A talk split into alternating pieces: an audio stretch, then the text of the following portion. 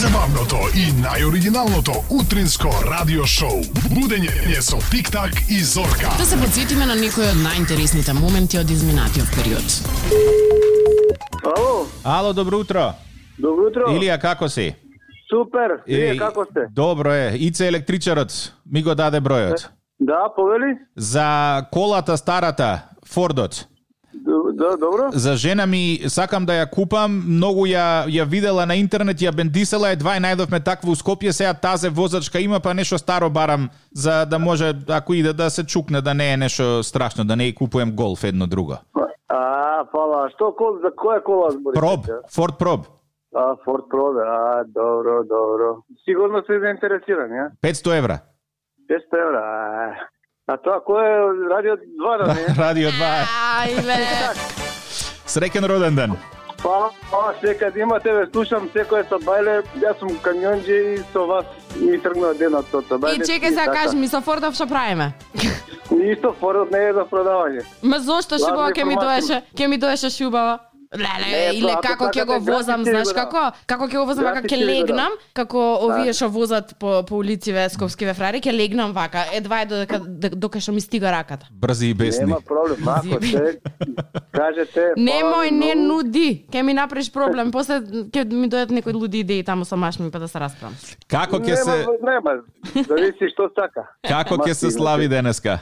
Па супер, супер, добивме поклони, е, уште убав, уште едно изненадување убаво од вас. Какви вашата- поклони доби? Да. Па нешто така нешто за кола праење, така некоја машинчица. О, па убав подарок. Убав Маша. подарок. Маша, со здраве си го користиш? Фала, фала, да ви се врати и така, фала. Да те имаме многу. предвид, значи ако треба нешто да спуштаме седиште едно друго, нешто да подигаме коли хауби, нешто да ти имаме предвид, а? Не е проблем, да, го имате. Тоа- тоа е. Готово, јас памтам честитката ти од сопругата Жана и од синот Мики, а, кој што сака на уникатен начин да ти го а, честитаат родинот и верувам дека фала. одлично ќе си поминате денес. Еве, веќе нема ни полициски се час. ви. многу. Поздрав. Баш ми е драго. фала, се ми убав.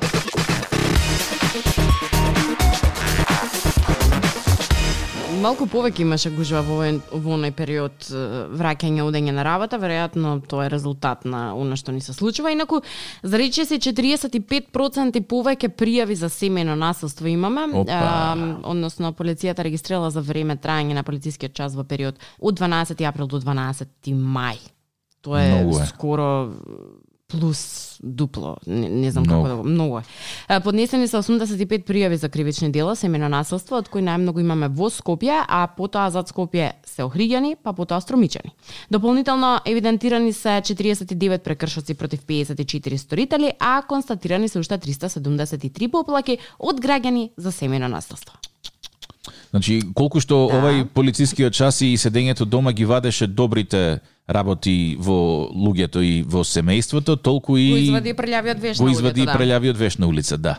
Така да ваквите работи мора да се санкционираат брзо и ефикасно, инаку мафни е работата. Од друга страна, ограниченото движење придонало за околу 40% намален број на собраќајни несреќи. Ајде, Браво, де. време конечно. Да, особено со тешки последици оние кои што се. Секторот за компјутерски криминал, дигитална а, форензика во изминатиот период постапил по 57 настанати приговори за омраза поврзани со COVID-19 и по оваа основа до ОЈО се поднесени 33 известувања и две кривични пријави. Добро, сакаш да ми кажеш дека од 57 а, приговори за омраза поврзани со COVID-19, изречени само две кривични пријави. Па не може да се докаже тоа, мислам, многу лесно се барата со со говор на омраза денеска. Се што ќе кажеше на некој не му се допаѓа, оп, говор на омраза, ма ај докажи дека е на вистина Тоа говор на, на омраза. кога ќе те искара некој. Види, зависи колку си кол- колку сакаш да го сватиш тоа како како говор на омраза, ама со претерана политичка коректност и со пренагласена употреба на говор на омраза се се претера. Ми се чини дека тоа е новата баба рога.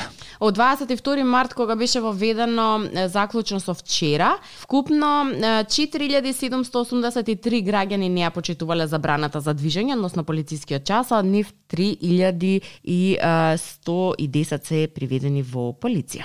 Поднесени се 2630 кривични пријави од 3137 дела.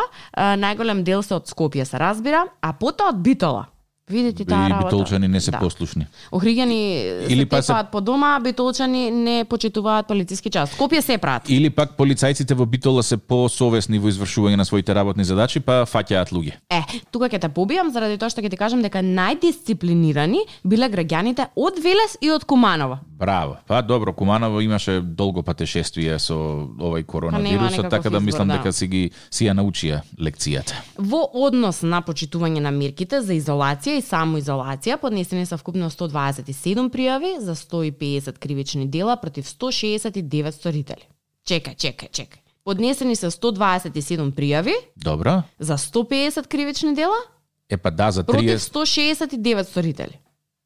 Ајде, некој изгрешил во, во бројките. Некој ние, како беше она, некој Некој меѓу нама ние, наш. Да, да, не ми текна. А, а за уврска за носење лична заштита, слушај колега, се донесени вкупно околу 2000 прекршоци. Сакам да ти кажам дека 2000 луѓе решиле дека денес ќе излезам ќе се шетам или ќе купувам во супермаркет и нема да носам маска. Зошто? Така сакам. Како беше таа бабата? Таа бабата беше од прилика некако евеа бабата, вака. Така сакам, ето што ќе ми правите, можете нешто да ми правите, ништо не можете да ми правите. Ништо. Кратко и јасно. Што ми можеш? Ништо Што не ми сакам, можеш. тоа ќе правам. Тик-так и Зорка, facebook.com, коса црта Тик-так и Зорка, Instagram Тик-так и Зорка, телефон 079-274-037. Доколку сакаш да честиташ роден ден, пиши ни. Сите оние емисии кои што ги пропушташ во текот на утрото, можеш да ги слушаш и на слушај.тиктакизорка.мк. Monaco.